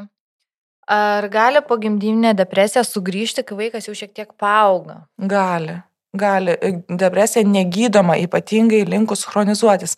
Ir apskritai, man atrodo, kad apie depresiją kalbant svarbu suprasti tokį faktą, kad, nu, va, ir apie vaistus kažkaip šnekant, kad Mūsų kultūroje yra tokia vat, nuostata, kad ta depresija yra kažkas labai blogo, ką reikia išgydyti vaistais. Mhm. Ir, o e, vis daugiau psichologijos paradigmų sako, kad e, svarbu neišgydyti vaistais, o suprasti. Ir kad e, jinai tikrai labai slepia svarbių momentų, kuriuos galima suprasti psichoterapijos būdu. Tai ne veltuigi sako, kad depresija labai skamba panašiai į depressed, kad tai mhm. yra kvietimas kažkoks tai sustoti ir iš tikrųjų e, pervertinti savo gyvenimą, padaryti kažkokią reviziją, e, ar tikrai tie būdai, kuriais aš dabar gyvenu, yra tie, kuriais turėčiau gyventi. Ir man patinka dar ir egzistencialistų kai kurių mintis, kad depresija kai kuriais atvejais gali apsaugoti nuo tuščiai nugyvento gyvenimo bet tai net leidžia nuo fakto, kad yra siaubingai baisi patirtis. Na, nu, aš nenoriu dabar sakyti, kad kaip čia prasminga ir kokia šviesa tunelio gale laukia. Tai yra, tai yra labai labai baisu. Tuo metu atrodo, kad neviltis ir juoda ir tik tai psichoterapeutas, kuris veda tave už rankos, gali tau parodyti, kad yra prasmė ir kad veda kažkur. Mhm. Taip. Um, Dar vieną greitai, vat, mama klausė, uh, pogimdyvinė agresija. Tai čia gal vienas iš požymių to pykčio per, per depresijos metu, kai irgi pykčio prasimušimas. Mhm. Apie tai, ką kalbėjo ir, ir Saulė, agresyvi pasidaro mama. Bet čia gal ir, ir, mhm. ir iki vaiko turėjus gal kažkokių problemų. Tas terminas mhm. pogimdyvinė agresija. Nu, to, kad negirdėjau, pogimdyvinės agresijos. Tai yra tas rage, žinai, kur būna, nežinau kaip lietuviškai. Labai turbūt iš klausimo nenorėčiau nei diagnozuoti, nei konsultuoti šituo atveju, bet man, kai eina kalba apie pyktį ir apie depresiją, tai man patinka, kai žmonės sako, kad jie jaučia pyktį ir kad pyktis kyla, nes pyktis yra labai e, prognostiškai geras dalykas. Jeigu kyla pyktis, jisai kalba apie ribas, į tokį sugrįžimą į save, atstovėjimą savęs, pasakymą, ne, aš dabar turiu išeiti ir pabūti viena, tai pykti yra gerai. Jeigu kyla pyktis, prognostiškai tai yra geras dalykas. Nereikia jo bijoti. Jo, bet mušti tai nereikia. Ne, tai čia vaiko. smurtas yra. Jo, jeigu turbūt, vat, gal čia svarbu pasakyti, kad turbūt jeigu yra tokių minčių, tai nėra jos geros. Nu, Nevaliduojame. Jo, jo, jo, mes ne, neturim galvoti, kad sumušti, pavyzdžiui, savo vaiką arba bet ne, kokį ne, ne. fizinį smurtą prieš jį panaudoti irgi yra normalu ir tai yra kažkoks požymis. No. Nu, nėra tai turbūt normalu. Ne, tikrai pasirašau, kad nėra. Jo, jo. Būdas, kaip išreikšti tą pyktį, jau yra tavo pasirinkimas. Taip, tu gali pykti, jis gali nervinti, pavyzdžiui, mm. bet bet koks ten, nu, purtimas, daužimas, fizinis mm. smurtas, tai, tai yra jau problema, jau, jau, jau tai reikia irgi spręsti ieškoti, labai greitai. Ieškoti būdų, kaip tą pyktį, nu, įžeminti. Taip. O šiaip, vat, viena moteris rašo ir mes užbaigsim čia, kad tiesiog ačiū Sauliai kad viena pirmųjų pasidalino apie depresiją viešai. Tai va. Ačiū. Tai gavom ir, ir daug daugiau, bet pagrindinius tokius aptariam. Tai va, čia turbūt užbaigsim savo podcastą. Labai ačiū Sauliai, ačiū Rasai. Ačiū, ačiū Jums labai. Ir šiaip ačiū kiekvienai mamai, kuri prie mūsų prisijungia, komunos daro mus stipresnėm. Mūsų daug, mes jėga. Jūsų laiškai, jūsų išpažintis, da, galim tik dar daugiau atverti tos visos pusės nepaliestos. Tai va. Tai rūpinkite savim ir iki kitų kartų. Ate. Ačiū viso.